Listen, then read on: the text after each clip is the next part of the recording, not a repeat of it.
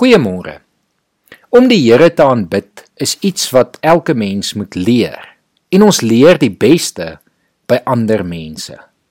Daar is soveel geloofshelde by wie ons in die Bybel kan leer en ek wil graag 'n paar opsommende lesse van geloofshelde vanoggend met jou deel en ek hoop dit kan jou help om vandag God te aanbid. Moses het ons geleer dat ons nie sonder die Here enigiets kan aanpak nie. Hy het gesê: "Here, as U nie saam ons vooruitgaan nie, laat ons dan net hier bly." Abraham het ons geleer om die Here te vertrou.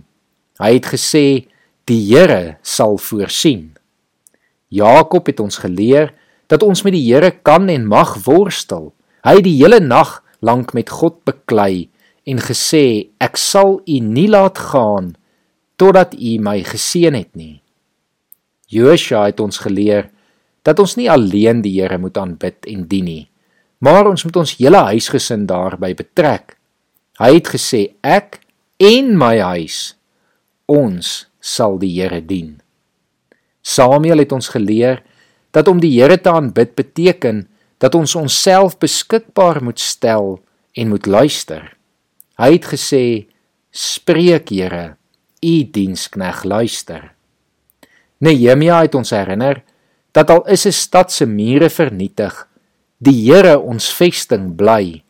Hy het bely en gesê: "Die blydskap in die Here is my beskutting." Dawid het ons so baie dinge geleer, maar dalk is die bekendste: Die Here is my herder. Niks sal my ontbreek nie. Salomo in al sy wysheid en spreuke het ons geleer om nie op ons eie insigte en planne staat te maak nie en daarom dat hy geskryf het en gesê het vertrou die Here met jou hele hart en leun nie op jou eie insigte nie. In alles wat jy doen maak dit bekend aan die Here en hy sal jou die regte paaie laat loop. Jesaja het geprofeteer oor wat vir ons voorlê en hy het gesê staan op word verlig want jou lig kom en die heerlikheid van die Here sal oor jou gaan en geen wapen wat teen jou gesmee word sal iets uitrig nie Jeremia het hierby aangesluit en ons die versekering gegee dat die Here altyd 'n plan vir ons het. Hy het gesê die Here se plan vir ons is voorspoed en nie teëspoed nie. Die Here sal ons nie teleurstel nie. Jabes het God se seën in sy lewe afgesmeek en hy het gesê: "Stort u seën oor my uit."